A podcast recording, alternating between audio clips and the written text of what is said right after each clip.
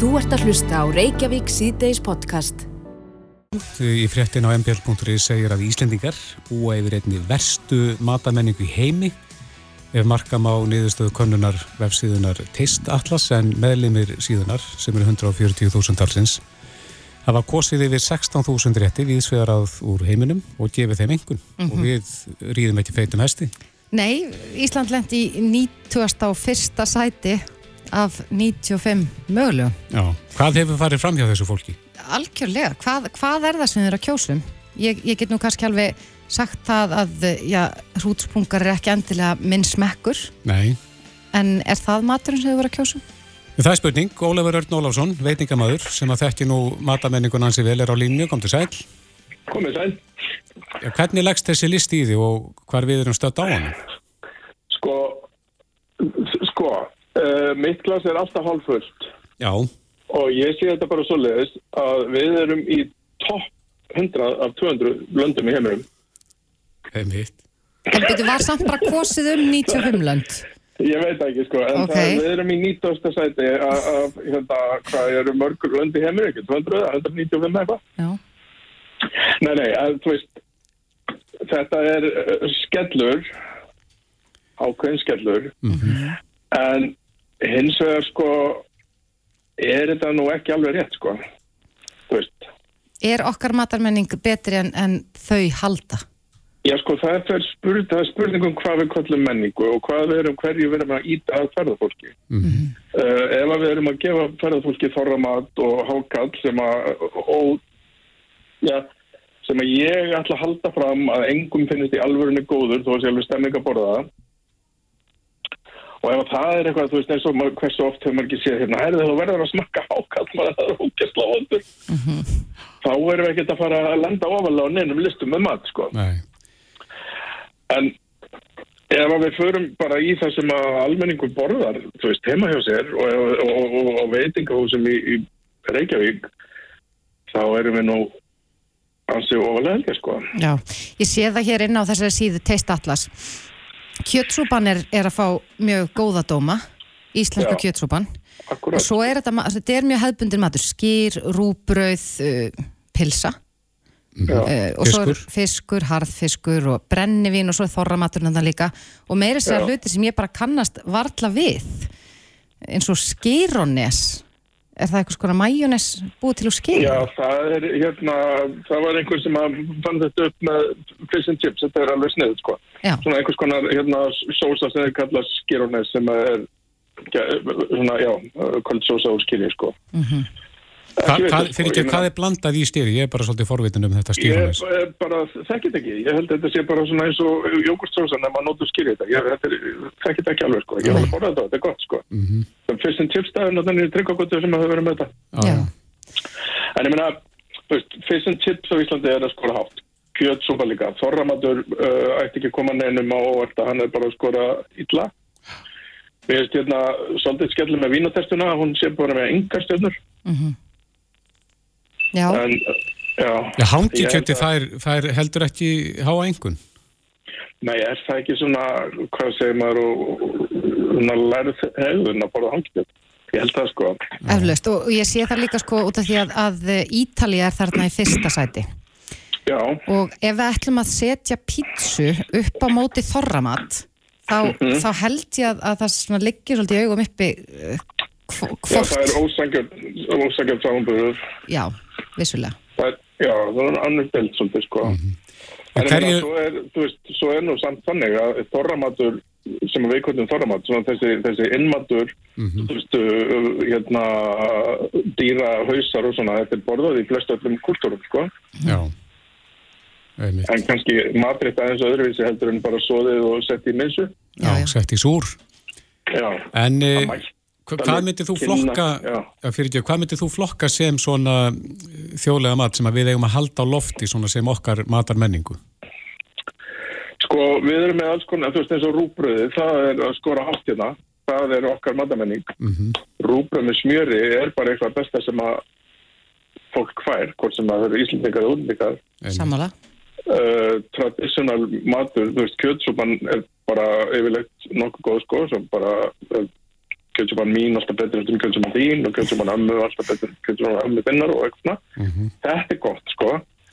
Uh, harðfiskur og eitthvað svona sem er svolítið verið að hafa fyrir sko. Síðan erum við náttúrulega með hérna hafið fullt af alls konar fiski sem að, sem að fólk hefur, sem hefur haldið lífi í okkur bara gegnum tíðina. Og mér hefur lengi fundist að við þurfum að lifta honum svolítið Já, það, hann er settur hérna á, á lista sko, sem djúbstektur á, með frönskum. Akkurat, sko. Það er að skora hans í hátt. Já, og ég menna við erum með, það er óumdelt að fiskurinn sem að veiðist hér, við höfum aðgang á hann miklu fyrr heldur en við fáum sama fisk í útlandum. Mm -hmm. Þú veist, á veitingastöðum á Íslandi er mjög erfitt að fá vondan fisk. Þú veist, þetta hafa fyrir því að finna hann, sko. Já. En Ólafur, þú ert nú í veitingarækstri og, og ert í samskiptum við, við ferðamennina sem hinga að koma. Já. Vilja ferðamenn smakka þessa rétti eða ættu við reynilega að vera dugleiri að bara já, matriða fiskin á eitthvað mjög ljúfenganhátt í staðin fyrir að bjóða um á kæsta skötu? Sko, ég bara vil aldrei bjóða neinum sem að mér tekja vandum upp á kæsta skötu. Það er bara ekki fallegt og mér tekja vandum fólk sem að kemur yngur á heimsækir Íslandinga En hins vegar getur við alveg bóðið upp á skötu og við erum með það til dæmis nýra brútt. Við erum með hérna, nýveita skötu alltaf á matsel sem eru fram og skarandi góðu matur mm -hmm.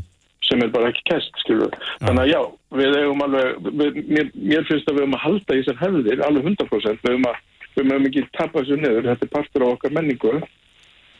En kannski ekki setja það fram sem einhvers konar svona delikatessan, skilur við. Það, það er held ég engum eða fáum, skulum við segja, svo ég að fáum og gefum einhverja holskepla leðendu, það er fáum sem að finnst í alverðinni gott að borða bara svoðið kjöld með einhver krytti. Mm -hmm. Einmitt. Þannig að ég held að því að það tækifæri, reyktur fiskur er eitthvað sem að, sem að er bara búið að vera til lengi. Uh, Hangikjöld er, getur alveg verið delikassi. Mm -hmm. Er það rétt matreitt? Já, bara frátt hangikjöldum, þú veist þetta tvírækta sem að koma á marka fyrir einhverjum, ég veit ekki hvernig, einhverjum síðustu 10-15 árum eitthvað svona. Mm -hmm. veist, það, það var, það fór einhver á stað og, og, og fór að hérna, presentera það svona eins og, eins og ítalska hálkingu og það er bara framhaldgandi góð matur. Það er hellingur af góðu stöfi, þannig að mín, ég vil byðla til þeirra sem er að taka mútið ferðarfólki að gefa þið frekar það sem er í alveg gott heldur, heldur en einhver svona kallmösku prófi í hérna, prófaði þetta. Já, við erum ekki að íta vondamatnum að þeim. Já, nokkulega. En ég sé líka að íslenska pilsan, hún fær þarna toppengun. Já, já. Bæjarnis besta, það þarf ekki að vera flótið. Þetta þarf ekki að vera flótið, sko. Nei. En ættum við að hafa einhverja áhyggjur af þessu, fyrst að þessi frettir að byrtast og, og við erum, já, ansið neðarlega? Nei, held ég ekki. Ég bara, veist þú, svo skoðum við bara félagskapin sem er mjög það. Ég meina, Marokkosk eldur segið það er neðar, sko. Og ég myndi nú, held að það sé frábært, sko. Já, þetta er bara greitt stór mistilingur. Svo gott að vinna norðmenn, það er gott. Já, það er alltaf gott. Já, akkurat. Já, það er bara gott, sko. Akkurat. Ólafur... Við getum bara íjað á norðmenn bara í, í saminningu, sko. Já, við skulum gera það í saminningu. Ólafur Örn Ólafsson, veitingamæður, kæra þakkir fyrir þetta. Já, takk fyrir mig. Þú ert að hlusta á Reykjavík C-Days podcast. Í gær kom Sælabankastjóri Ásker Jónsson til okkar og við fórum yfir ákverðun uh, Sælabankar sem að hækka stýrivexti um 0,5%. Mm -hmm. 11. hækkunin í rauð, ekki satt? Jú, og þetta lagðist mjög illa í marga framamenn í samfélaginu mm -hmm. og sérstaklega kannski innan verkalýshefingarinnar. Sælabankastjóri... Fyrir ekki, við hefum til dæmis í Vilhelmi Byrkisín í gær sem var hérna, allt annaðins áttur. Já, og uh, það er spurning, þurfum við að hætta að eigða peningunum okkar? Mm -hmm. það er svona kvartningar orð frá Sælabankastjóra að við eigðum minna. Og hann benti nú líka á ríkið og uh, já, svo er, er farin af stað einhvers konar leikur þar sem allir benda á alla. Já, að finna sökutólka mm -hmm. Við spurðum í kjálfar þess að ástyr kom til okkar. Hefur þú rárum til að leggja fyrir í sparnað? Og svarmöguleika voru oft stundum sjaldan eða aldrei Og þetta eru nánast eh, fjóra jafnstóra kökur, 24,7% segja oft, 27,1% stundum, 21% sjaldan og 27,2% aldri. Er stærsta kakan þarna aldri? Stærsta kakan, einstaka kakan er eh, aldri mm. og stundum. Já. Já, það er spurning. Eh, við líka tölum um það við Áskar Jónsson, hvar, hvernig ámaður að spara? Þú stakst nú upp á því að maður ætti kannski bara stinguð til kottan vegna þess að það er nú ekki mikil ávustuna því að leggja peningin inn í bankana eins og uh, vaksta umkörfið er núna. Nei, nei, en svo er spurning hvort að við ættum að geta lagt inn í selabankan. Þar eru viðskiptabankarnir að leggja inn með miklu betri hagnaði heldur en almenningur. Já. En hún er komið til okkar, fósettisáðarann Já, hvernig metur þú áhrifin af þessari stýrafasta hækkun í gær? Já, um, það er auðvitað alveg ljóst að verbulgan hefur reynst þrálátari en við vonuðumst eftir en ég var nú að koma að visskiptaþingi þar sem ég notaði nú tækifæri til að brína þess þau sem voru þar að hlusta mm -hmm. því að það hefur auðvitað ekkit upp á sig að einmitt hver bendi á annan til þess að finna einhvert sökudólk. Ég er algjörlega sammála því sjónamið. Við þurfum auðvitað bara að horfa á það. En við þurfum að finna hvar vandin líkur þannig að setja laga. Vandin er nefnilega sko ekki eitthvað eitt. Það er ekki eins og það sé hægt að draga eitthvað eitt fram og segja þetta er bara húsnæði eða þetta er bara innflutt verðbólka. Þetta er miklu fjölþættara, þetta er verðbólka á breyðungrunni sem uh, eru auðvitað mikil ekki bara hér, heldur annar staðar í Európu líka en byrtist líka hér í því að við erum með mikinn hagvöst, við vorum með hagvöst uh, hér, hér á síðasta ári sem var bara já hvað, 7,1% sem er auðvitað gríðalega hátt, þannig að það er mikil spenna í hagkjörunni ofanálag sem gerir það verkum að, að, hérna, að það verður erfiðar að takast á við verðbólguna. Þessi mikli hafustur eru að hluta til knúin áfram af enganislu sem skýrir nú þessa orðræðum spartna en hann snýst auðvitað ekki bara um almenningi í landinu, hann snýst bara líka um Uh, líkum atvinnulíf og um hið ofinbera þegar mm -hmm. kemur að því. En við erum, við, við erum ofta að tala um þessi mál og við erum að vísi alls konar meðaltölu og, og hagvöxt í landinu en svo heyrim aður, við heyrim það bara hérna í beinum samskiptum við okkar hlustendur til dæmis að, að fólk á verulega erfitt og þetta það eru hækkanir að dinja nánast hvert sem aður lítur, við vorum nú bara nýbúin að tala um hækkanir hjá íþrótafélögum og hækkanir á nefskatti, áfengi og rafbílum núna um áramótin og, og þar getur við lengi talið fastegnagjöld og svo framvegs. Já Og þess vegna hef ég líka sagt, það er ekki hægt að vísa ábyrgin á okkur neitt. Það er til dæmis ekki hægt að vísa bara ábyrgin á launafólk og segja því að fara fram með hóstilta kröfur og sama tíma líka ekki bara, munum með að það er ekki bara spenni hækjurinn, það er líka þetta sumum geirum sem gengur bara mjög vel. Við erum búin að vera að sjá það að ímsi geirar í samfélaginu hafa verið að skila miklu um hagnaða undafötnu. Eðlilega segir þá hérna launafólk í landinu býtir ekki eðlert að við fáum hluta þeirri köku. Þannig að þess vegna hef ég talað mjög skýrt uh, það er ekki hægt að beina bara ábyrðina á þau sem eru að berjast fyrir bættum kjörum.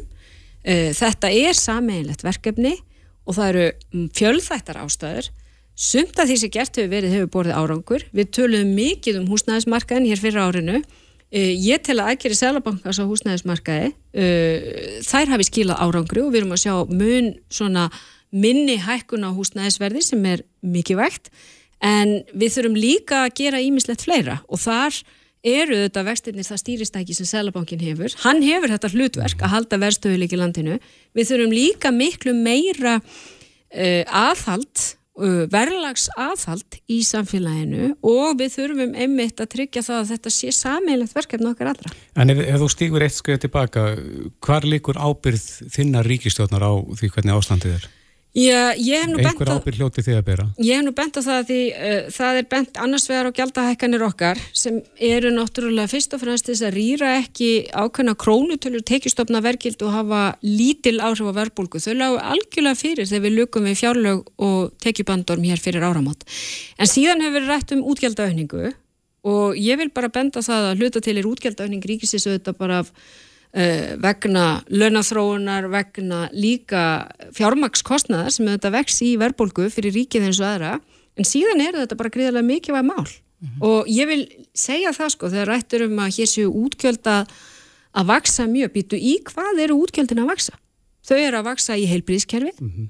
en... sem við höfum einmitt fundið sko, það er nú það sem landsmenn forgangsraða alltaf efst mm -hmm. þegar spurt er um útgjöldin og það eru síðan aðgerið til að verja tekjul lægstu hópana, þau sem eiga erut með að ná endur saman fyrir áhrifum verðbólkunar. Við til dæmis hækkuðum greiðslur almannatryggingar strax á miðja ári, við höfum farið í það að hérna, hækka barnabætur og tryggja þær náið til fleiri fjölskyldna. Einmitt. Við erum búin að vera í ymsum svona mm -hmm. aðgerðum sem eru velferðaraðgerðir sem bara skipta máli í þessu umhverju. Þú nefnir þarna eins og heilbíðistjárfi sem að allir er samálum að þurfa að reyka, en Já. svo eru aðrir feitir bítar þannig inn á milli ríkistofnanir sem er ekki gera mikla kröfur um aðhaldi í? Já, sko, ég veit ekki hvort ég fælst á það, sko, því þegar við horfum bara á hvernig samneislan hefur þróast, þá myndi ég nú ekki telja að hún hafi þróast þannig að báknið hafi eitthvað blásið út þegar, eins og svona stundum er haldið fram. Nei. Ég meina, langstæstu, á, á langstæstu, langstæstu póstanir í útgjöldum eins og ofinbera eru almannatryggingakerfin og helbrískerfin mm -hmm. og það er, og síðan eru við að sjálfsögða að reyka ímis önnur kerfi, ég vil nú nefna mentakerfi sem hérna stundum glemist að ræða og, og önnur mikilvæg kerfi en þetta eru stærstu póstanir. En hvað með fyrirtæki og almennu markaði, jú ég menna þar hefur þetta gengið misjaflega mm -hmm. og það eru þetta Hvað þurfa þau að gera þegar það kreppir að? Þá þurfa þau að sína aðhald. Já, já. Já, já, og það er það, en ég meina við erum, en við erum eins og ég, ég tel nú einmitt með langtíma áallan að gerði og böru fjármálum þar sem við erum að innbyggt ákveði aðfald þá held ég að þessi málflutningur um sko þróum báksins hann bara standist ekki í skoðun. Mm -hmm. en hins vegar, ég menna, ég menna hins vegar er það þannig að í samfélaginu sem við búum í, þá gerum við alltaf vaksandi kröfur. Og ég var einmitt að rína hjá mér, bara í mínu forsætisráðuniti, í hvað eru útgjöldin að fara? Jú, eitt af því sem við erum að bæta við er aukinn stuðningur við úrskurðarnendum upplýsingamál sem snýst um það að úrskurða þegar almenningur eða fjölmilar er óskættur upplýsingu sem þeir fá ekki. Og þetta er eitt af því sem sko hvað mest hefur verið beðum og krafist að við sinnum betur, það er nákvæmlega þetta. Þannig að við þurfum auðvitað líka að hugsa alltaf í hvað Hva, hvað er þetta bák sem við erum að tala um? En, en, það er líka til að bregðast við kröfum borgarna um bæta þjónustu mm -hmm. og hérna betri stjórnsvíslu. En sko ef við færum þetta eh, svona nær okkur, bara ef við hugsaum um hérna bara eðlilega millistjættar íslenska Já. fjölskyldu Já. og hækkanir sem eru annars verður frá ríkinu eða frá borginni í mm. matvælum í bensinni og eins og ég sagðan, maður gæti lengi talið hvernig ámaður að bregðast við? Auðvitað munu þá fólk krefjast hærri launa til þess að geta staðið ströym af öllum þessum aukna kostnaði. En á sama tíma eigum við að halda okkur höndum og ekki eða peningum. Og uh, maður heyrir það á almenningi að, að mikið af þessum hækkunum bytna á almenningi.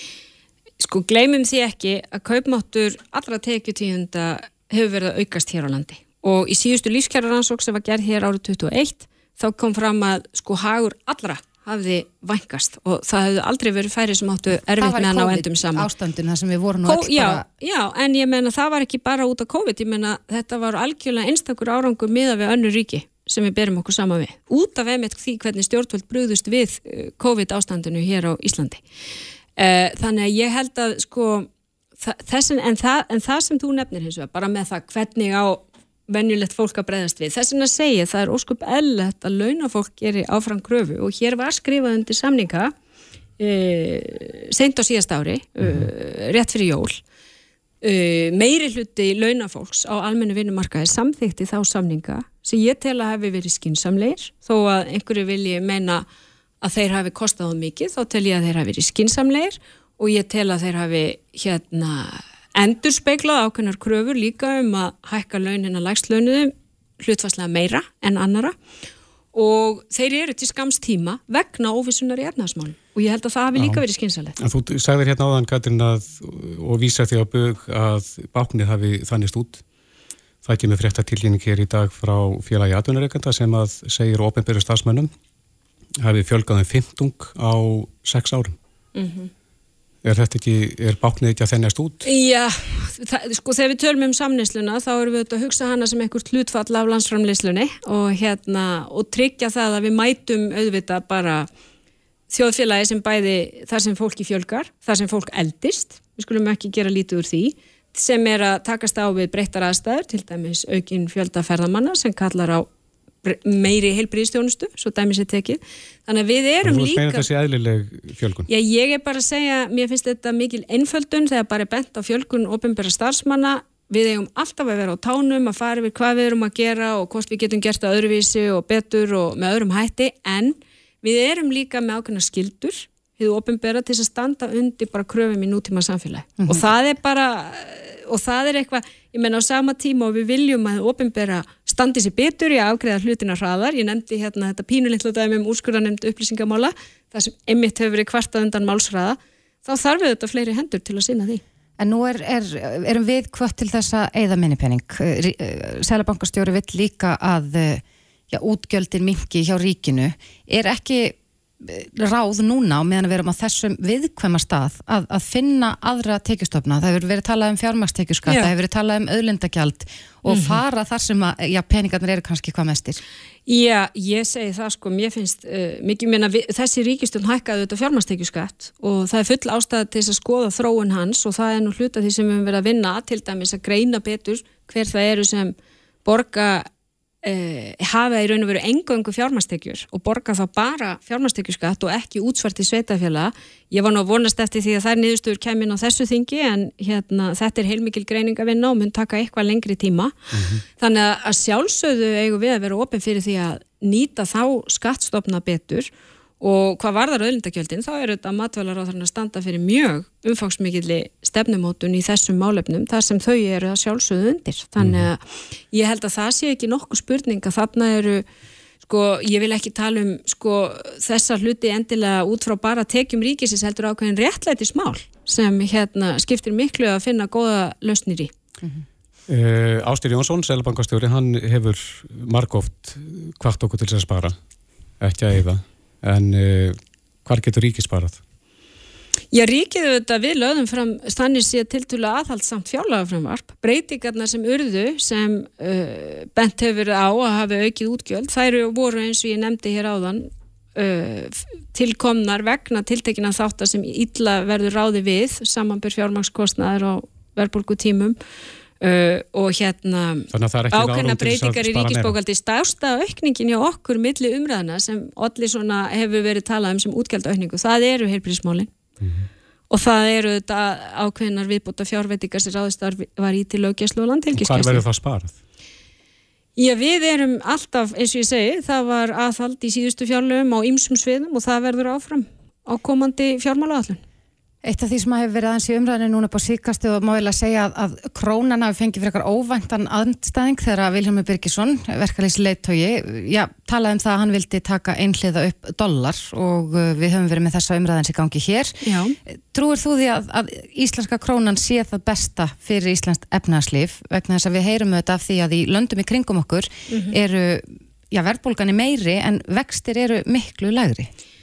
Já, já, og við erum auðvitað, eins og ég segi líka með þennan mikla hafust uh, sem hérna er óvennulegur fyrir Ísland. Við erum lítið opið hagkerfi, það er uh, hérna alltaf snúin staða að reyka lítið opið hagkerfi en hér hefur mhm. líka verið mikill vöxtur, uh, nánast ekkert atvinnuleysi núna og fór alveg, gekk alveg ótrúlega hratt niður og ef við svona skoðum söguna þá sjáum við það að það að reyka hér sjálfstæða peningastefnu og vera með lítið opið hækjari það hefur gert okkur á mörguleiti sveianleiri til að takast á við erfiðleika og geta bröðist mjög rætt við. Þannig að telur þú að krónan sé besti ja, gjaldmiðlinn sem við getum haft? Það hefur verið mín niðurst að hinga til og ég myndi ávalt vara mjög við þeim hugmyndum að taka einlið upp annan gjaldmiðl. Ég myndi telja það allt of áhættu samt fyrir sjálfstætt og fullvalda ríki að vera ekki með eigin sælabanka eða vera með sæðlabanka sem í raun og veru er bakhjart fyrir gjaldmiðlinn og þegar þetta var greint eh, af sæðlabankanum fyrir allt nokkrum árum þá var nýðustan svo að raunhefir valmöguleikar fyrir Íslands samfélag væri að halda áfram sjálfstæri peningastefnu með krónu eða gangi Európusambandi og vera þá með Európska sæðlabankan sem bakhjart fyrir Evru. Það er, uh, þetta var heilmikið rætt á sínum tíma og ég hef ekki verið þeirra skoðanar um að gangi Európusambandi. Ég tel það Eh, það er ekki þar með sagt að það kom ekki margt gott frá Europasambandinu, ég hef bara ekki talið það rétt á valkost fyrir Ísland. Um, og ég hef talið að við höfum sínt það uh, og ekki síst í raun og veru með öllum þeim breytingum sem hafa verið gerðar frá hrunni, þar sem bæði stjórntæki peningastefnu og ríkisfjármála hafa verið stórbætt með bara gerbreyttu regluverki. Uh, þá tel ég já að krónan sé besti kosturinn sem vegum Já, sögum til að við séum læst inn í fákjefni með Íslandsku krónun að, ef við myndum taka upp annað gjaldmiðla þá myndi samtjefni aukast? Já, við erum lítið samfélag og það er svo sannarlega uh, má deila á það að hér sé samkjefni ekki næjanleg. Uh, samkjefnis eftirliti hefur nú verið að benda á ymsa leiðir til þess að ebla hér uh, í raun og veru samkeppni ekki bara á dagverumarkaði heldur ímsum mörgum og ég held að það séu mikil tækifæri þar. Það hefur mikið verið talað um bæði banka og, og svo vátryggingar að, að þetta er mikil fákeppnismarkaður og, og ég bara eins og Ragnar Þór Ingólfsson saði þegar hann kom hérna um daginn að við leggjum peningin í banka og fáum einhverja rosalega lága vexti og svo tekur bankin þennan pening og leggur hann í selabankan og græður að tá fingri.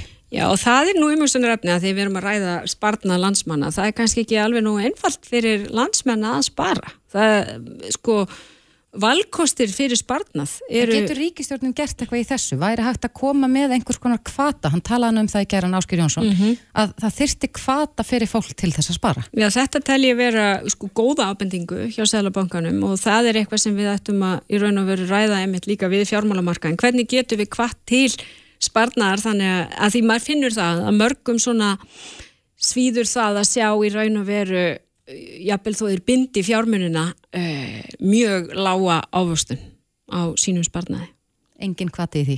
Já, það er ekki mikil kvati í því, nei. nei. nei. En eh, eitt mál enn sem er nú búið að vera mjög fyrir fyrir mikil, það er kjara deila eblingar og samtaka atvinnlífsins og, og það er nánast bara erfitt að fylgjast með fréttum vegna þess að þetta eru dómsmál hingað og þangað og, og efast um hæfi ríkisáttarsemjara og hvaðeina. Mm -hmm. Hvernig metur þú stöðuna? Er, er ekki tilefni fyrir ríkistjórnuna að stíga inn í þessa deilu? Það tel ég nú ekki vera því málið er fyrir dómstóli uh, og þá er ég að vitna í málamilunum til ríkisáttarsemjara. Uh, hér að stómur mat hann að lögmæta í dómi sínum núna fyrir vikunni. Uh, þeim dómi var áfríða til landsréttar og mér skilsta landsréttum múnu úrskurðaðum þetta, já líklega bara í næstu viku þannig að þá ætti það að líka fyrir og þá líkur það líka fyrir að komist landsréttur og sömu niðurstu og hérastómur þá fer fram atkvæðagaríslu millunatilhjóðun og þá fá við þá ætti að líka fyrir raun og veru skýrvilji mm -hmm. gagvart henni Já, þannig að það held ég að sé nú eðlilegt að leifa þessu þessu ferli bara eiga sér staði því það hefur verið deilt um þetta lögmætti, ég hef sagt mínu skoðan og því hvað ég telji í þeim efnum en líka tekið það marg ítrykka fram að það verður ekki list nema fyrir domstólum ef Eh, deiltir um lögmæti. Nei, en aðeins varðandi þessa vaksta hækkun í gær, nú réttu við við Viljan Birgisson í gær, sem að sagði að forsendur tjærasamninga sem að hann skrifaði undir væri rauninni brosnar. Já. Mega við þessa stöðu sem komin er upp núna. Já. Ættu, ættu Viljan Birgisson og Ragnar Þór Ingolson að fara bara í slagtók með solvu önnu vegna þess að sjá kannski að, að, að þetta var einhver leiti blekking með þær forsendur sem nú eru? Já, ég held að það sé nú varhugavert að tala um blekkingar því það er ekki eins og þetta við leiði fyrir í, í desember hver vaksta ákveðin Sælabanka segði í februar þannig að við skulum ekki tala um það. Ég minni nú á líka að samningurinn er til skamstíma og á þeim tíma hafa aðilir skuldbindi sig bæði uh, sérstæðla vinnumarkanis og stjórnvöld skuldbindi sig til að vinna að ákveðinu málum á samningstímanum og við vorum að fundi morgun í þjóðasræði þar sem fórstu fólk heildarsamtaka á vinnumarkaði situr á Sandsælabanka og Sveitafjölum og Ríki þar sem við vorum með mitt uh, svona undibúa þá vinnu sem þarf að fara fram á þessu ári því þetta eru skamtíma samningar. Mm -hmm. En uh, þið ætli vantarleiti að sitja bara hjá og fylgjast með hvernig þetta þróast. Hva, hvernig ætli þið að bregðast við? Eh, hvað var þar þá verbulgunna á vextina en ekki kjæradilina? Já, eh, að sjálfsögðu ekki og við auðvitað gripum strax til aðgerða þegar verðbólgan fór á flug gagvar því að verja að tekju lægstu hópana síðan í tengslu við undirskrift kærasamninga þá komum við með ennfrekar aðgerði sem snýrist um það, um það að styðja betur við fólk á húsnæðismarkaði, bæði fólk á legumarkaði en líka að hækka skerringamörk vastabóta til að styðja betur við þá sem eru að kaupa sér húsnæði við kynntum líka breytingar á barnabótakerfinu sem skipta verulegu máli fyrir einmitt fólk með börn, það fjölgar um 3000 fjölskyldunum sem eiga rétt á barnabótum þannig að við höfum auðvitað verið með aðgjör til að verja þessa hópa og síðan likur það fyrir eins og ég saði hér áðan að við munum þurfa að vera áfram aðhalsum í fjárlögum mm -hmm. uh, komandi árs ja.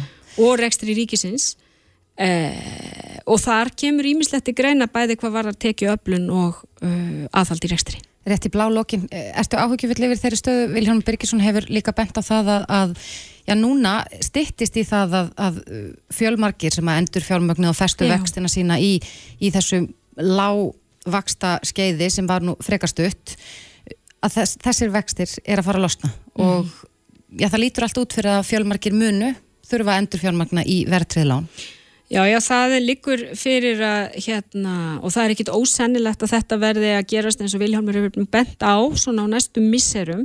En ég vil líka minna það að spár gerir ráð fyrir því að verbulgan hjaðni núna uh, á komandi mánuðum. Þannig að við séum svona að horfa fram á hérna róleri tíma í þeim efnum. Og ég vil segja það bara hér, ég menna það eru þetta bara kapsmál okkar allra. Hvort sem það eru ríki, sveitafélag, almenningur í landinu atvinnureikendur eða sæðlabankin að við náum saman verðbólkunni niður. Mm. Það er mhm. alveg gríðarlega mikilvægt því þetta er stærsti ofennur almennings í landinu. Já. Láta þetta vera loka orðin, Katrín Jakobsdóttir, fórsættis á þeirra. Kæra þakki fyrir komina. Takk fyrir. Þetta er Reykjavík C-Days podcast. Já, já, Reykjavík C-Days heldur á framklukkan áttægmyndi gengin í sex og það var fjöru síma tími hérna á hann. Mm. Eh, til að mynda verið einn kona sem að ringti inn og var að tala um gjaldmiðlinn og nefndi dönsku krónuna mm. að þegar að íslenska króna var sett á laginnar að þá var ein íslensk króna hún jafngildi einni danskri mm -hmm. en e, eitthvað klemdist ég á þessu hérna áðan vegna þess að svona, til þess að hafa þetta alveg rétt að til þess að kaupa eina danska krónu þá þarf þetta að borga með 20 íslenskum Já og síðan að uh, íslenska króna var sett á lækina þá er búið að klýpa 2-0 aftur hana mm -hmm. þannig rauninni væri þá verðgildið 2000 krónur. Það er rosalegt. Fyrir eina danska. Akkurat. Já, en hann er komið til okkar Sigmar Viljámsson, uh, formaður Atunni félagsins, velkomin Já, komið sæl. Þú, þú hefur vantilega skoðun á, á gjaldmiðlinum Já, ég hef það nú, en, en, en eh, ég, sko að því þú kynnti mig inn sem formann atvinnufélagsins, þá, þá vil ég ræða frekar þá sem slíkur, sko, ég, ég, hérna, það er ekki alltaf sem að persónulega skoðunni fara saman með skoðunum heila sandaka og ég te, tel mig ekki að hafa það rétt að geta kannski varpa mínu skoðunum yfir, yfir þau samtök, mm.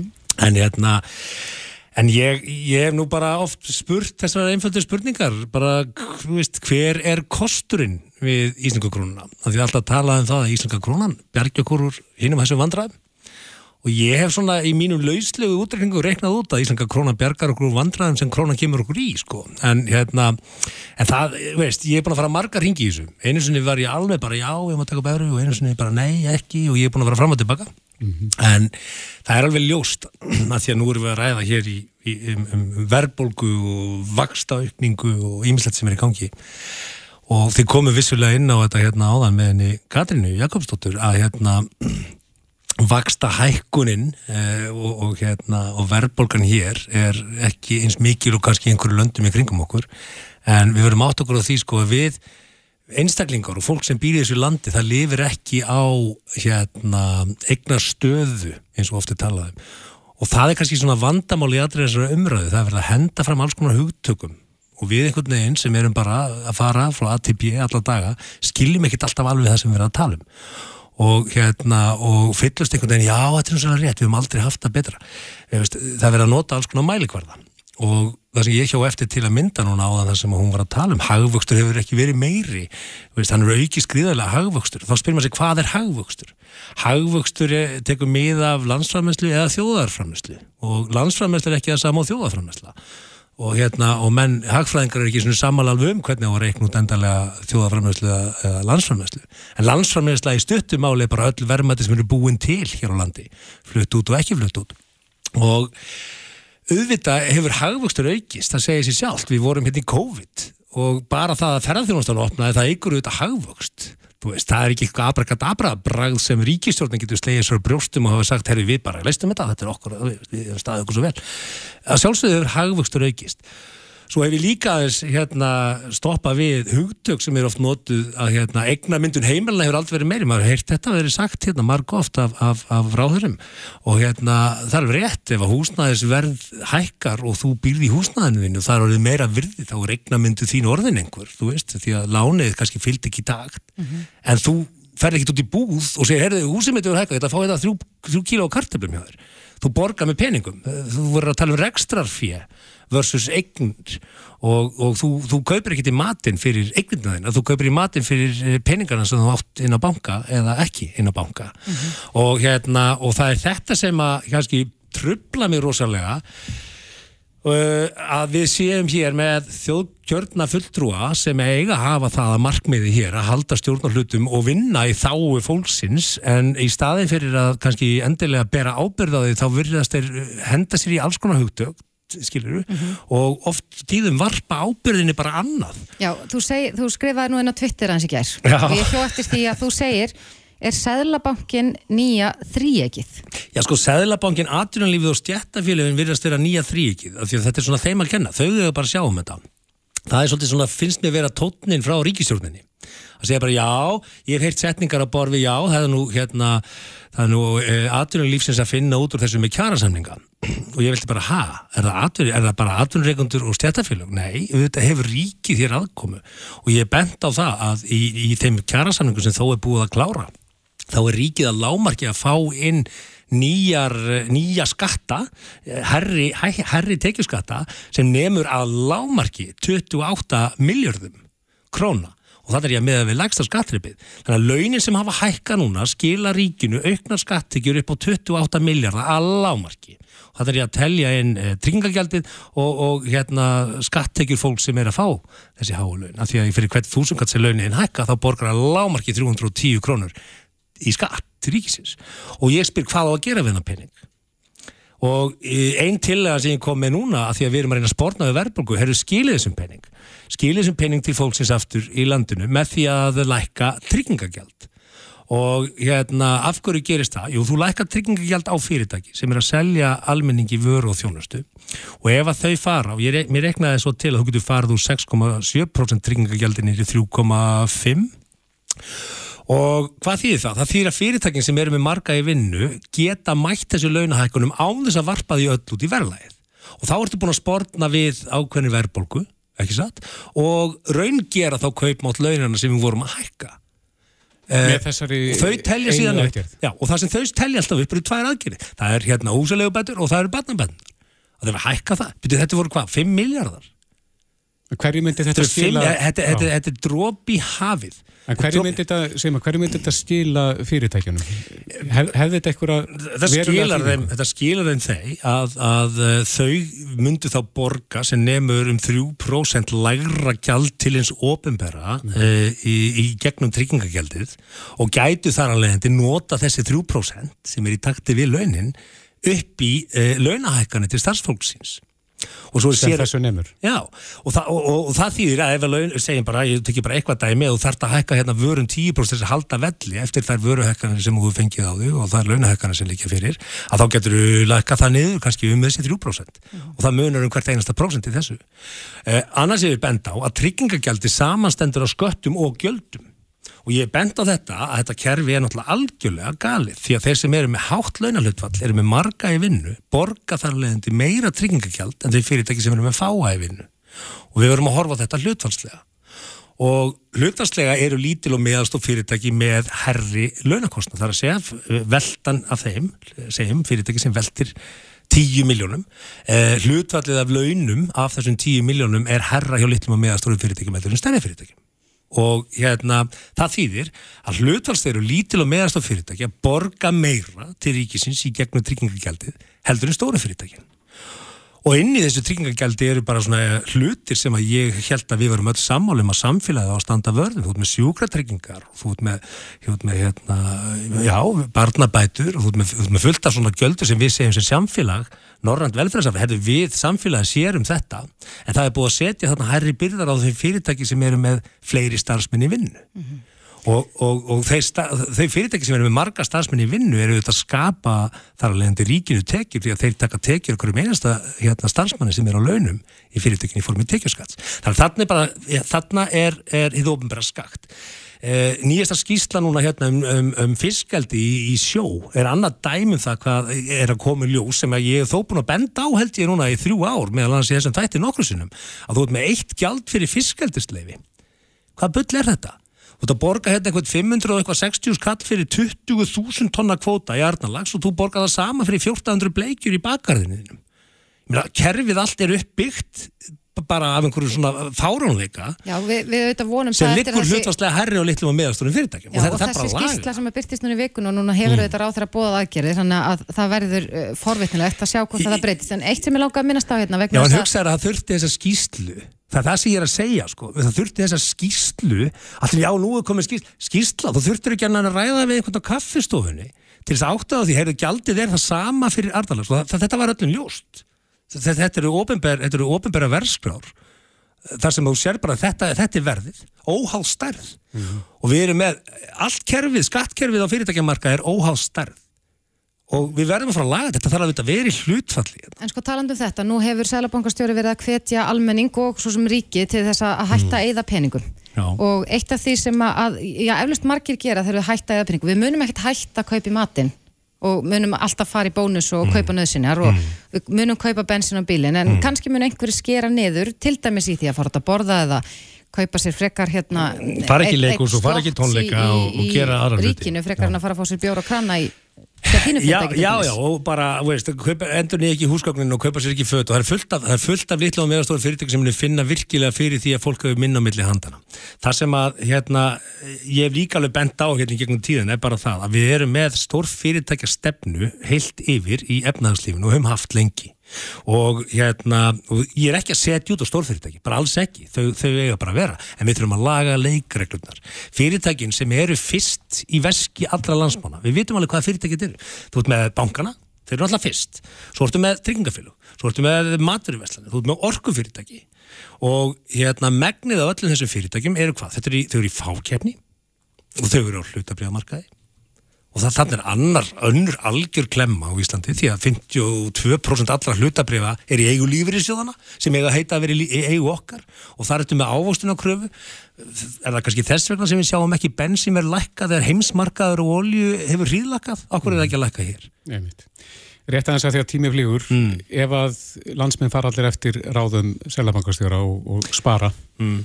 hvaða áhrif hefur það út á markanum þar að Sko, segja varandi Mér finnst fólk festa sig á þessa setningu sem hann sagði og ég skil hann bara mjög vel. Hann hefur, Sæðlabankin hefur bara svo og svo mörg vopn. Ríkistjórnin er með þúsund vopn til þess að mæta þessari verðbólgu.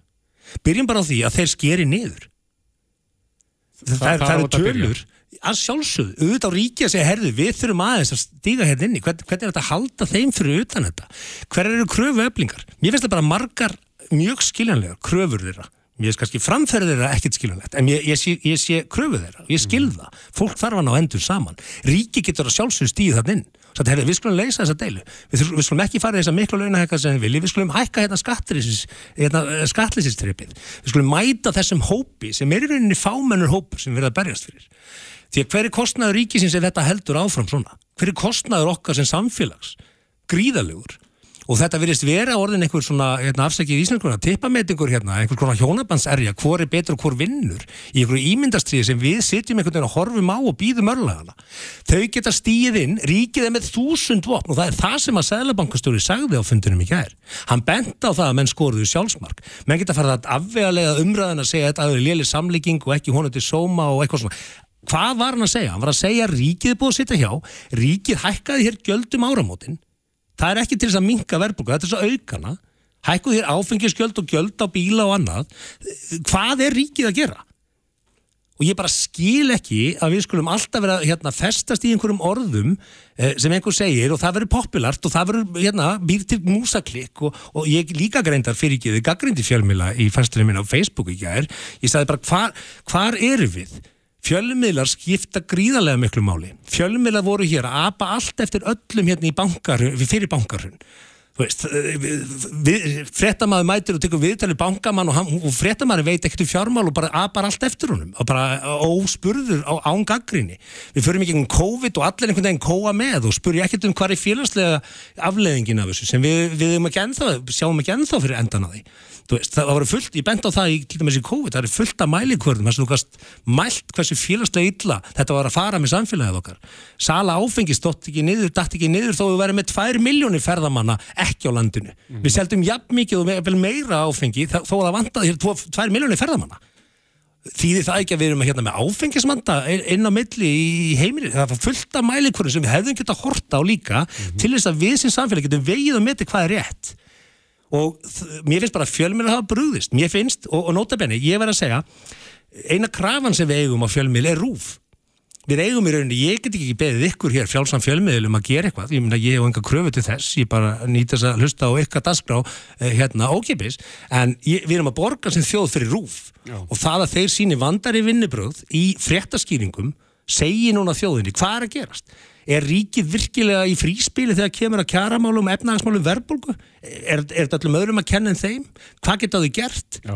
Spurja svona spurninga því að fjölmilar eru gríðarlega mikilvægir. Verðum að koma, uh, hafa þetta loka orðin, þú ert komin á flug, leitt að kippa þig niður. Seymar Viljánsson, formadur aðtunni fyrir þessins, kæra þætti verið komin. Þetta er Reykjavík C-Days podcast. Við erum alltaf að fá fleiri og fleiri upplýsingar og vitnestu um öndun, hvað hún er mikilvæg. Já. Við heyrðum í Andra Æsland í raun daginn mm -hmm. sem að vera að fara að halda rástefnu einmitt um þessi mál. Akkurat og ég held að, að, að mér allavega finnst eins og við sem alltaf meira og meira að heyra af því að við ættum að veita þessum meiri aðtegli, sko mm -hmm. hvernig við öndum um, að, að einhvern veginn að veita andadrættinum aðtegli en við rákumst á ansi áhugaverðan viðburð sem snýrað öndun mm -hmm. en að öndun með nefinu að það getur verið gríðarlega mikilvægt að anda með nefinu en ekki mununum Já og ef maður gerir það ekki þá getur það haft áhrif á gríðarlega marga og alvarlega hluti Já, meðal hans tannheilsu Einmitt. Þetta komir á óvart en hún er sest hjá okkur Hrönn Róbertsdóttir, tannleiknis, kom til sæl Já, sæl verið Já, Hrönn, þú ert að fara að halda fyrirlestur fyrir Livju um mikilvægi neföndunar fyrir tannheilsu og svepp Skiptir mm. þetta svona miklu máli að við öndum með nefnu? Já, bara ótrúlega. Og meira máli kannski að fólk gerir sig grein fyrir að því að þetta snýst meira bara almennt um heilsu og heilbriði mm -hmm. og nú eru kannski fólk orðið meðvitað um það að þú ert ekki með heilbriðan líkamann um og þið er heilbrið munnhól og við erum hönnulanda með nefinu, nefið sinni í 30 hlutverkum í bara undirbyrð loftið á hana fyrir honni í lungun og mm -hmm. við tökum með okkur kvapnurrefnsóksi sem vikar æðar eigur upptöku súrefni, við erum að fá cirka 17% meira súrefni með því að nota nefið En það sem að munvatnið gerir líka fyrir tennur og tannhold, það náttúrulega smýr og ver tennur og tannhold mm -hmm. og verða þar leðandi fyrir bakteríum mm. og bæði tannskemdir, tannsteinn og tannholdsbólkur sem valda þá beineyingu. E, það er það sem að munvatnið hjálpar okkur til með og þetta eikst mjög mikið á fólki sem anda með muninum og tallakninga bara almennt hafa kannski verið að breyta svolítið að því að við erum já, við erum eldast með tennur í dag við vorum með bara fyrir 25 árum síðan þegar ég útskrifaðist þá vorum við fólk með falskar sem varum 50 mm -hmm. nú vorum við með tennur og þá allt í hennu skiptir beini sem heldur í tennurna miklu meira máli að því við erum að tapa tönnum mm út af mhm. bein eyðingu og þá kemur heilbrið tannhold inn í myndina að þið úr með munþurk og andar með mununum þá fyrir bólki tannhold og þá eðis beini sem á að vera halda í tennurnar. Þannig fáum við líka eldra útlitt á tennur af því að eh, þú, þegar þú sefur þá ert að framlega bara cirka 10% um minnvatninu þannig að ef þú þurkar allt upp um nótina og fer svo í að gnýsta tönnum þá slítur þeim líka tölverð traðar og þá fer tennur að lítast og þannig að það er ótrúlega margt sem að -hmm. munnvatni gerir fyrir okkur og þar með munnundun hún náttúrulega þurkar það allt saman upp. En hvað, hvernig getur við tryggt það við öndum með nefn? Það er erfitt að stjórna þessu þegar við sofum. Já, í fyrsta lagi er það náttúrulega þannig að við notum, ef að fólk er að anda með mununum á daginn, þá er mjög ólíklegt að munum nota nefn um nóttina. Mm -hmm. Þannig í meðvutund þá er mjög mikilvægt að æfa sig í nefndun og æfa sig í bara að hæja á andadrætti og sérstaklega þá útöndun og pásu En á næturna þú veist ekkert hvað þú ert að gera. Nei. Þá er náttúrulega hægt að nota hjálpatæki eins og þess að munnplástra sem hafa verið bara í framleyslunum í tölverðan tíma. Líma bara fyrir munnin. Já, það eru þá sérstaklega plástra sem eru með götum. Mm -hmm. Að því að allt, öll þessi hjálpatæki, þetta er hugsað fyrir heilbreyð fólk. Mm -hmm. Hér eru meira upptökin af því að halda heilbreyð fólki heilbreyðu heldur en að grípa fólk þegar það þróa með þessi sjúknum á 20-30 ára setna. Þannig að það er mjög gott fyrir þá sem eru heilbreyðir að nota munnplástur og fyrir þá sem eru náttúrulega geta anda með nefina því ekki viljum við fara að plástra fólk sem ekki getur nota nefið. Mm -hmm. Jafnvel þó að það séu gött. Er fólk hrættið að kapna bara í svefni eða? Sko sumir sem upplifa sig kannski þurfa á mununum að halda við öndun en það er líka þannig að þú notar ekki nefið þá stíplast það. Þannig að þeir sem að anda með mununum með nótuna þeir annarkort eru að vakna ofsalega þurra með vasklas við liðin á sér mm -hmm. eða þeir vakna með stípla nef. Mm. Að þeir líka með bregst við að því munundun hefur meira áhrif en bara þurka munvatnið að því að æðarnar þrengjast mm -hmm. að við töfum koldioksið þegar við förum að anda á mikið og farum með þrengjum æðar og allar túpur í líkamannum á öndunavegin þá fyrir líkamann að bregðast við mm -hmm. og eitt af því sem maður gerir fyrir utan það reynar að þrengja allar túpur það myndar slím í nefinu Já. þannig að það er alls konar sem að Akkurat, en, en með við hvernig þú, þú leggur þetta hér fram að þá verðist það vera mjög mikilvægt. Mm -hmm. hvers vegna eru við að heyra af þessu svona nánast í fyrsta sinn? Er þetta ekki almennt viðurkjent eh, bara innan læknasamfélagsins sko mikilvægt þess að anda með nefnu? Sko kannski er partur að því líka við þurftum ekki að byggja fólkum aðrum að loka að minnin, við þurftum ekki að byggja krakka að tekja matinn sinn. Það er eitthvað að breytast.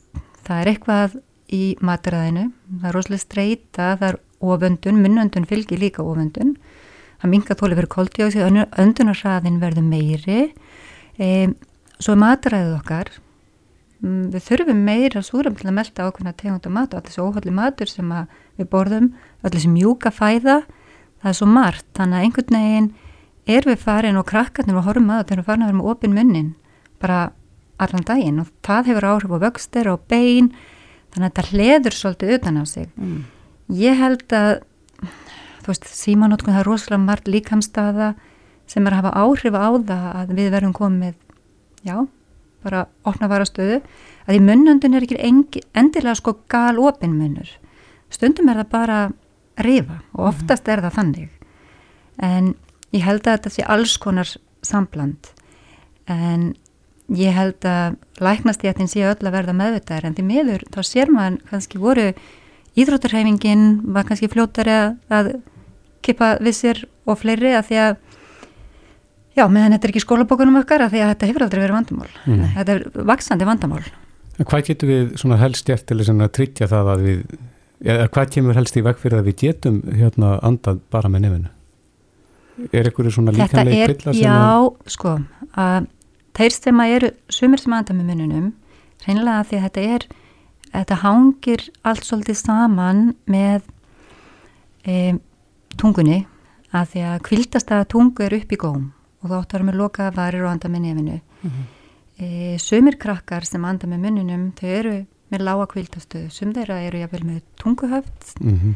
sem að kemur í veg fyrir það að tungan geti farið upp þannig að það þægilegra að hafa tunguna niðri Svo er þetta náttúrulega bara það klassiska hvað stýpla nefin, þetta er bara óðnami, mm -hmm. óþól, krakkar er kannski fá mjölk sem hafa mjölkuróþól, stýplasnaði nefi, fá þetta kannski alla mótna, þannig að það er líkilega atrið að mann geti notað nefið mm -hmm. og að maður finnir það út úr því að maður getur það ekki akkverju og svo getur þetta líka verið, þú bara speiklar umhverfið, það er einhverju umhverfiðínu sem kingir ákveðin hátt mm -hmm. eða er með opið munn og við lærum umhverfu okkar, þannig að við speiklum þeir sem tala á mikið Já, þeir eru að tala, þá ertu að anda með munum það er mjög mikilvægt að fyrir það fólk sem vinnum við að tala, að vera meðvetað um það síðan inn á milli að loka vörunum og Já.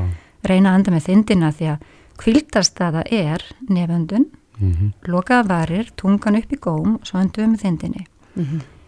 En, en eitt af því sem að, ég hef nú velt fyrir mér, sko, ef maður horfið nokkur ár tilbaka og þegar ég var barna, þá voru sára fáir þannig séð sem að þurftu á tannréttingum að halda, kannski voru fleiri sem jáfnvel þurftu á því að halda en, en tannréttingar voru ekki uh, mjög algengar en nú virðast þar vera algengari tengist þetta eitthvað? Geta tennurnar skekst við það að maður sé alltaf að anda með mununum? Já, sko, tennur að því að um, þeir sem eru í dag er það svolítið, það er svona já, þeir kalla það erfei orthodontist í dag sem snýra öndunaveginum mm. og ég tók svona diplomati slípdentalmetist en ég vinn með þeim sem hrjóta orð með kæfisvefn. Mm -hmm og í dag er besta meðferðin alltaf við því að grýpa þessa krakka. Að því þegar oft börn fara í tannrættingar í dag þá eru þau búin að vaksa, kannski komið alla tennur. Og þá reynlega er ekki nægilegt pláss fyrir tennurnar. Og þá er ég að vilja tennur dregnar til að koma hinnum fyrir og rétta. Í raun og verið eins og ég sé þetta, þá vil ég náttúrulega grýpa krakkana fyrr og ég vil náttúrulega grýpa þau þegar maður sér hver hegðan þeirra er að því að ef þú ert með að anda með muninum, þá likur tunga niður. Það er enginn sem getur andað með mununum með ting, tungun á réttum stað. En hlutverk tungunar er annars vegar að stækka efrikjálka og koma hann fram. Tennur enda sem kraftar er jafnvæg, það þýðir kraftur frá kynum og vörum versus kraftur frá tungu.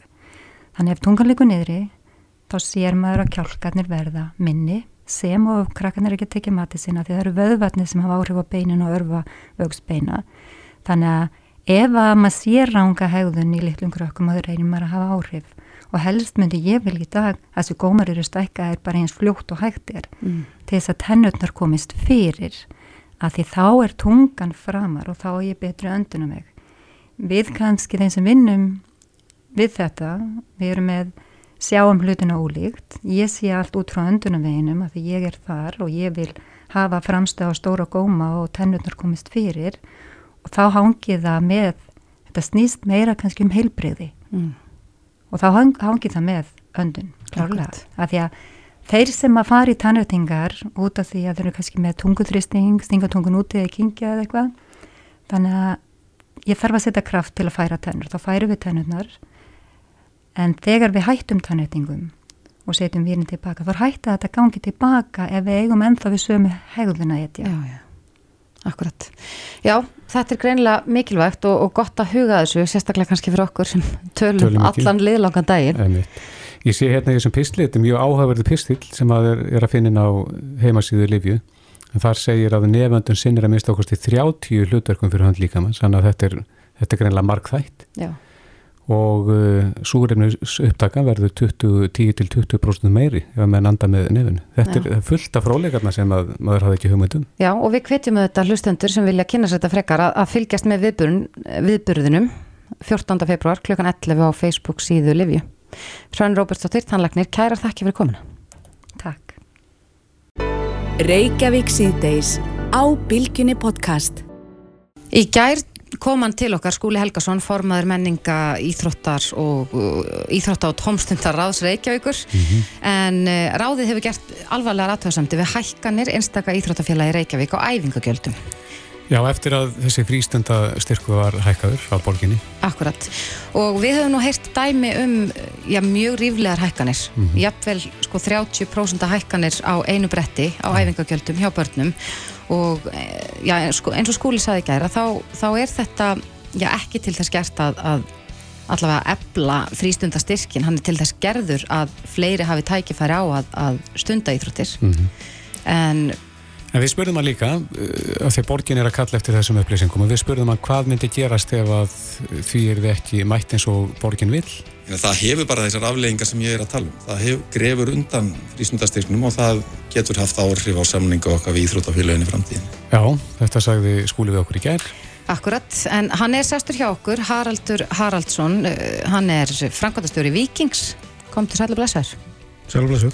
Já, ansi mikil umræða sem hefur farið af stað um hækkanir á æfingagjöldum, er þetta heldur að hækkanirna séu svona þert yfir linna hjá Íþrótafélagunum í borginni? Nei, ég, ég hlusta á þetta viðtal hérna skúla í gær og, og, og, og rætti í framaldi að því við hann sjálfur og við Inga Sverrisson hjá IPR og leitaði svona aðeins upplýsingum um þetta og það sem ég er mest ósáttu við að í gegnum þau samtöl þá kemur þetta aldrei ljósa að það eru svona eitthvað tvæðir, þrjár hækkanir hjá einhverju deildi félagi sem eru svona ansi ríflegar að með skilst mm -hmm. ég er ósáttu við það að sé vera að varpa allri íþróttarhefinginni Reykjavík undir þessa rúti núna sko Ég talaði í morgu við flest alla framkvæmdastjóra félagana í Reykjavík uh, og ég ætla að tala bara út frá mínu félagi. Vikingur hækkaði engin æfingagjöld í handbólta. Þannig að ég skoðaði það ekkert en við hækkum æfingagjöld í, í knaspunum um cirka 15%. Mm -hmm. Af hverju kom svo hækkun til? Það er náttúrulega hækkanir á öllu í kringum okkur eins og við þekkjum. En af hverju fókbóltinn er ekki handbóltinn? Já það var brákur. Ég ætla að koma á þína bland núna sko. Mm -hmm í þessum flokku sem eru að hækka hvað mest þar er verið að bæta við auka þjónustu í formi styrta þjálfara sumu félum aðgengja sjúkra þjálfurum og slíkt þannig að það er verið að fá það er ekki bara verið að hækka, það er verið að mhm. bæta þjónustuna líka mm -hmm. og það er stór hluti líka af þessari, þessu kostnaraukningu en að sjálfsögðu er, er, er laun að hækka líka.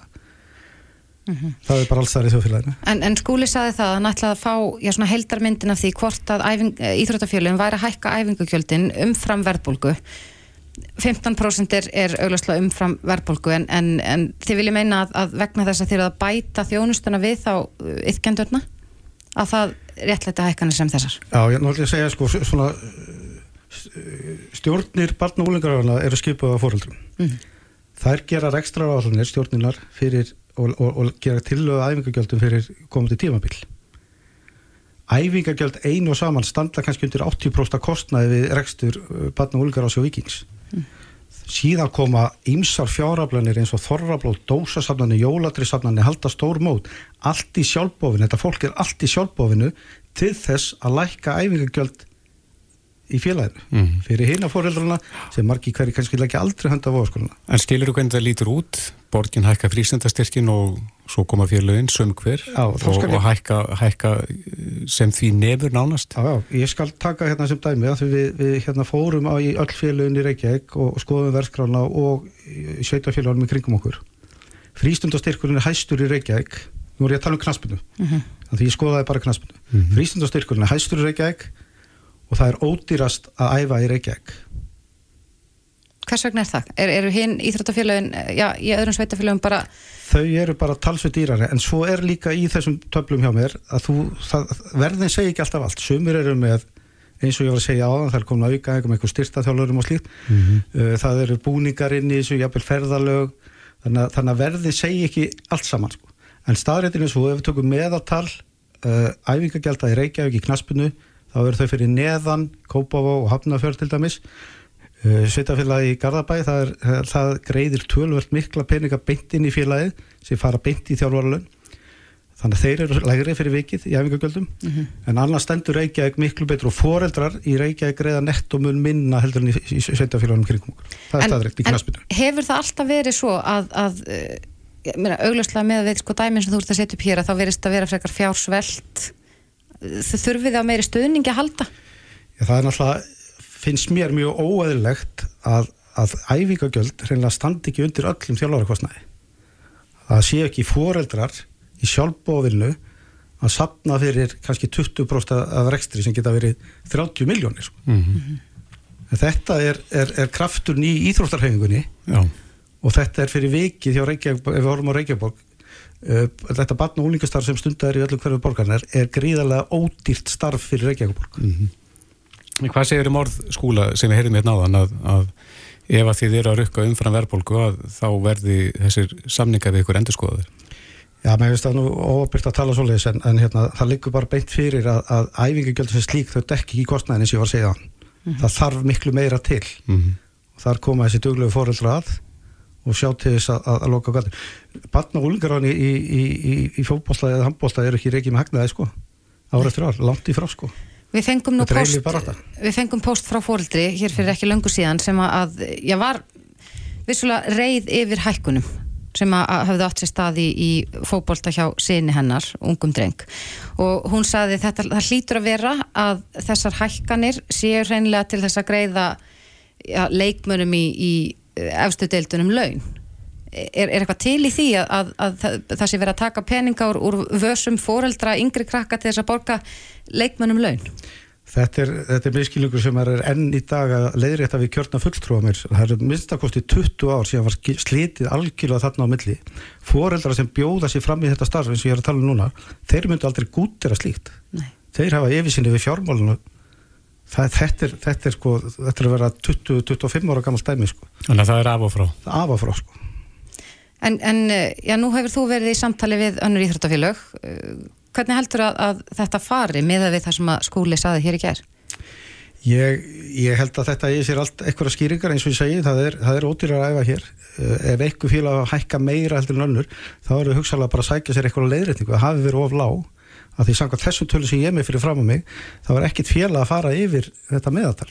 En kannski bara óheppileg tímasetning á hækkunum vegna þess að ég vissulega var mikið fjalla um það hér í voru að ef að frístundastyrkun yrði hækkaður að Já, þá myndu íþróttafélagin hækka. Sum félagin er að, er að rukka æfingagjöld frá 1. september til 1. september og það að með skilst, ég er ekki með tímaluninu alveg að reynu, þá var ekki búið að taka ákvörnum þess að frístundastyrk að -hmm það er hækkun sem er þá ákveðin í ágúst og tók gildi fyrsta september sko. mm. þetta er ekkert svona svart og gitt alveg sko. engin freysni vandið þarna en svo er, svo, svo, svo er hitt líka að við erum alltaf að berjast fyrir Reykjavík og það er hinliðin á peningum að til þess að reyka þetta starfaldsama þá þartu aðstöðu og, og hverfafélagin í Reykjavík eru með samningu í Reykjavík og ekstra samningum um, um mannverki og, og starfsfólki yfirstjórn og allt slíkt þar neytar borgin að, að verðtryggja þann samning á fullu uh, ég segi í dæmi vikings þá er eitthvað þrjár, þrjár og hálf miljón sem er hækkunum áramót. Við erum búin að fjármagna allar hækkanir sem voru á síðast ári og svo koma launahækkanir núna sem eru cirka 6,5 miljónir á mitt félag í, í bara yfirstjórninni í félaginu. Og ég er að fá 3,5 miljónir í hækkun. Mm -hmm. ég, ég á eftir að fjármagna líka allar hækkanir sem eru framöndan þarna það borgin líka, þeir get ekki staðið öðrum meginn og öskrað og skilja okkur svo eftir í skýtnum hinnum meginn Látum þetta vera loka orðin, Haraldur Haraldsson framkvæmtastjóri Vikings, kæra þakki fyrir komuna Reykjavík síðdeis á Bilginni podcast Það er stór helgi framöndan mm -hmm. þegar það mhm. kemur að íþróttum eitt stærsti íþróttaviðburður heimsins verður uh, í beitni á stöðu sport Já. á uh, sunnundagi. Þetta er ofurskálinn svo kallað sem að tala nú góða íslensku eða Super Bowl, það er Super Bowl Sunday eins og uh, amerikanarnir kalla þetta. Já, en það eru margir íslendika sem að skilji ekki þessa íþrótt. Já, ég, ég er einn af þeim, mm -hmm. ég hef reynd en mér þykir þetta mjög flókið En sem betur fyrr erum við með marga sérfræðinga á okkar snærum hjá Stöð 2 Sport sem að ætla svo sannarlega ekki bara hita upp fyrir leikin, heldur fylgja okkur í gegnum allan leikin með sérfræðingum og ég veit ekki hvað hvað. Mm -hmm. Einn af helstu sérfræðingunum. Er á línunni, Andri Ólafsson, sæl. Sælbless. Hverju eigum við von á? Já, þetta er náttúrulega eins og þið sögðuð á hann eitt stærsti íþróttafiðburður ásins en þetta er eiginlega meiri það, þetta er náttúrulega að stærsti popkultúr viðburður ásins að minnstakost í bandrækjónum vegna þetta snýst þar í landi í raun og veru miklu meira heldur um bara um leikin sjálfan, þetta snýst um háleiksatriðið og veisluhöld og annað í þeimtúr, þannig að þetta er svona Já, þetta er svona eins og popkultúr háttíð fyrir bandarækjum en langstæsti sjónvarsviðburður ásins í bandarækjunum. Það eru fleri sem horfa á þetta heldur nokkuð annað í, í bandarækjunum uh mhm. -huh. og þjóðin öll kemur saman og heldur partí og borðar vangi og drekkur eh, élegan bjór og, og, hérna, og, og spjallar um leikin og auðlýsingarnar og háleiksatrið og allt þetta helsta. Akkurat. Andri, hvers, hvaðan kemur svona, já, þinn áhugi á þessu?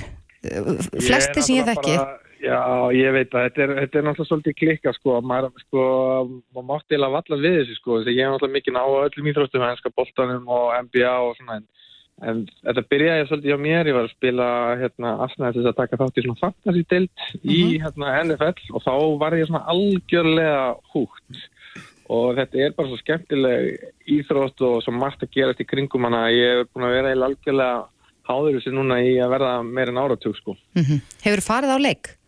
Já, ég hef farið að leik í Washington borg, það var alveg stóð skemmtilegt en öðruvísi heldur en aðrar upplifandi sem ég hef átt á íþróttaleikjum vegna þess að þetta er íþróttum sem að mörguleiti hönnu fyrir sjónvarp. Mm -hmm. og það gerðist nokkur sunnum að meðan vorum á vellinum að bæði lið voru út á velli. Það var ekkert sem var til fyrirstöðu að hefja leik og byrja en þá var sko auðvilskallið í sjónvarpinu. Og þá bara stóðu leikmenn og voru að spjalla við hver aðra og dómaran og svona sparki grassið og vegna þess að íþróttin er algjörlega hönnuð og reglurnar til þess að hámarka sjónvars upplifum. En svona fyrir þá sem að vita ekkert, getur þú að gefa okkur svona helstu leiðbynningar um það hvernig þetta gengur fyrir sig? Já, ég skal gera það, en, en það skal má reynda taka fram að við verðum með smá insla í uppbytunarþættinum á sunnundagin, það sem eh, Bergþór Pálsson sem er leikstjórnandi í einherjum sem er eina íslenska uh, liði sem spila svona NFL-fókbalta mm -hmm. hann ætlar að vera með smá svona einslega sem að fer yfir reglurnar. Í stuttumáli er þetta þannig að þetta snýstum að skora snertimark og snertimarkið er bara að koma bóltanum upp allan völlin og í, í endamarkið hjá hinu liðinu mm -hmm. Yfir eitthvað enda línu? Já, inn í endamarkið yfir þess að ákveðna línu sem marka það og ef þú kemur bóltanum þar yfir þá farðu stig mm -hmm. en, en triksið í þessu er það að að þú færði í hvert skipti svona bóltan bara fjórar tilvönir til að komast tíu hjarta áfram. Og ef þú kemst yfir þessa tíu hjarta línu þá færði aðrar fjórar tilvönir og svo kolla kolli þanga til komin allavega í endamarki en ef þú nærð ekki yfir tíu hjarta með fjórum tilvönum þá fær hitliði bóltan e, þetta er náttúrulega í sínu einfælsisi mynd en ég segi alltaf fyrir fólk sem er í vandræði með reglunar að þetta er langt vinsalasta íþrótt bandaríkjana og bandaríkjumennir og þannig að þeir vilja yfirleitt ekki hafa hlutina of flokna og ef eh, svona einhver meðal jón í Arkansas í bandaríkanum eða skilja regluna þá ættu við hérna heim á Íslandi alveg að náði með, með hérna á, á stuttum tíma. En við munum fara nánar yfir alla reglunar í uppbytunarþættinu sem verður með í stuttusport á, á sundarskvöldi. Já, en uh, já, fyrir þá sem ekkert vita, hvaða lið er að fara að keppa? Það eru tvö lið sem er að fara að mæta. Það er annars vegar Philadelphia Eagles og svo er það Kansas City Chiefs. Ja. og Kansas City Chiefs er svona eitt af hérna, betri liður þessar dildar undanfanna ári er að mæta núna í þriðja skiptið á stuttum tíma í, í Super Bowl mm -hmm. og í því liði er eitt besti leikstjórnandi heims Patrick Mahomes sem er stundu kallaði tengdasónur Íslands í fjölmjölum en eiginkon hans Brittany Murphy spilaði fókbalta með afturöldningu hérna fyrir nokkur már Já. En hann er svona eiginlega einn ótrúlegast í íþróttamæðu sem við eigum þessar myndir og er svona færum að gera ótrúlega hluti, ótrúlega stundum.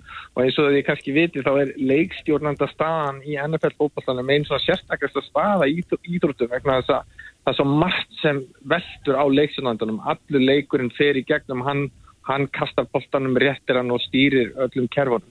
En hitlir þess að Philadelphia Eagles og það er lið hérna, sem er e, bara búin að tapa einu leik í allan vetur og er kannski að mörguleiti í svona betra lið með stóru elli, það er mhm. svona margir, það er svona jæmt og stöðut lið sem er hérna, stert á velli og gefur fáfæri á sér, þannig að þetta er svona áhverð, áhverð innví að milli hins, hins sterka liðs og hins sko magnaða einstaklings. Þegar Patrik Holmes er sko töframadurinn mætir síðan Philadelphia Eagles sem er þetta ógnarsterka þessu ógnarsterka liðsild þannig að það er svolítið svona skemmtilegt einvið sem við erum að fara að horfa á sundaginn. Já, en Andri það er líka annað sem hefur alltaf vætið miklu aðtikli það er hálegsatriðu. Hver sér um þá skemmtun á þessu sinni? Það er náttúrulega hún Rihanna sem er að fara að mæta og það er mikil, mikil, mikil spenningur fyrir því. Þetta er alltaf svona rísa stórt uh, tónlistaratriði og hérna og vekur alltaf mikla aðtili nú eru veðbankarnir að spá í sko hverja hún minni taka með sér og svið. Mm -hmm. það eru mikla hérna það er hægt að veðja um það sko. En mikið leint náttúrulega yfir aðteginu og við erum meira sér í lokasókninni í þætti á stötu sport sem allar um eh, NFL og, og leikin þá voru við með smá veðbanka um hverja myndi taka með sér. Ég gíska á JC Mm. En uh, svo eru margir sem halda A$AP Rocky eða Calvin Harris eða fleiri munir stíga og stopp með henni. Ég vil eitthvað taka uh, tónlistamennir í háluleiks aðtriðinu, kannski 5, 6, 7 lög, svona sirpu af, af sínum uh, stærstu smellum mm -hmm. og, og rosalegt púður lagt í sviðsetningu og þetta er yfirleitt alveg geggja prógram. Þannig að ég hvet allar til þess að sko að hérna, meirist að þá sem eru kannski ekki mest í íþrótta áhangandunum að fylgjast með að minnstakusti fram að háluleik og svo er þetta að meta stöðun eftir það leikur sér spennandi eða ekki. Akkurat, þannig að Andri, hva, heldur þú með öðru uh, af þessum liðum eða, eða ert að stiðja eitthvað annar lið? Ég á meiri sér erfitt með að finna mig lit að halda mig í dindinni, ég er svo mikið svona, ég, ég er svona háðu því að halda alltaf með liðinu sem er svona underdog. Já.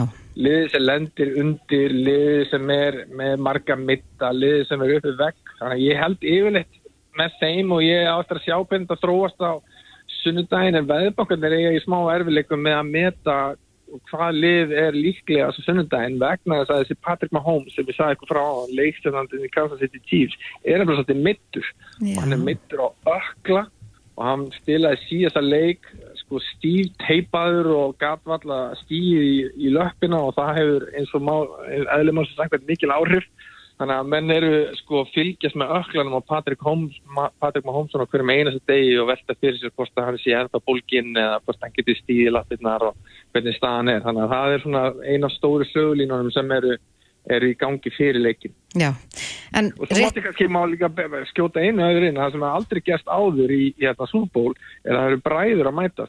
Einn af uh, bestu leikmennum í hverju liði eru bræður. Það er annars að Kelce í Kansas City Chiefs mm -hmm. sem er innherji og stór og sterkur strákur sem grýpur boltan og svo er það Jason Kelsey sem er bróður hans í Philadelphia Eagles, hann er sem heitir Center, hann er sá sem uh, réttir leiksjónandan boltan í upphafi á hverju kerfi mm -hmm. þeir eru bræður og, og, og það var mikil hérna, pressa og, og vera að sapna undirskriftum þess að mamma þeirra er því svo sem myndi vera með hlutkjastið í upphafi leiksins, þess að hún á náttúrulega erfitt með að gera upp og búið þeirra með, með hvorm hún heldur að vera að gera upp á milli barnansina Já.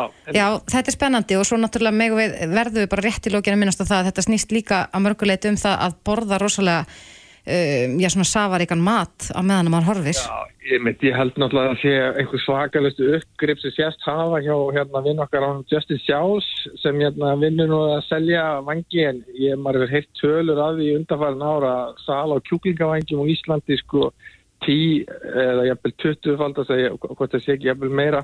Og hérna við erum alltaf með myndir í útsendingunni okkur bæði fyrir leik og meðan leik stendur þá komum við alltaf inn í auðvíska hljöfum og leikhljöfum og erum svona útskýra hvað er í gangi og, og fara yfir svona helstu kerfi. Þá erum við alltaf að sína myndir líka af Twitter þess að fólk getur vel að senda okkur myndir úr Super Bowl partíum. Og það er alveg ótrúleg ótrúlegur metnaður sem margir sína í, í hlaðborðum og veisluhöldum og hérna alltaf gaman að rúla yfir myndir að því. Það er mikið alltaf vilt og gott samtala alltaf á Twitter. Það er hérna yfir, yfir leiknum. Það er svona skemmtileg hluti af þessu. Einmitt. Þetta verður veistla á marganhátt það er, það er augljóst. En Andri Ólafsson, sérfræðingur í amerískum fókbóltan uh, þið takið við bóltanum á sunnudaginn kemur. Við segjum bara góða skemmtun.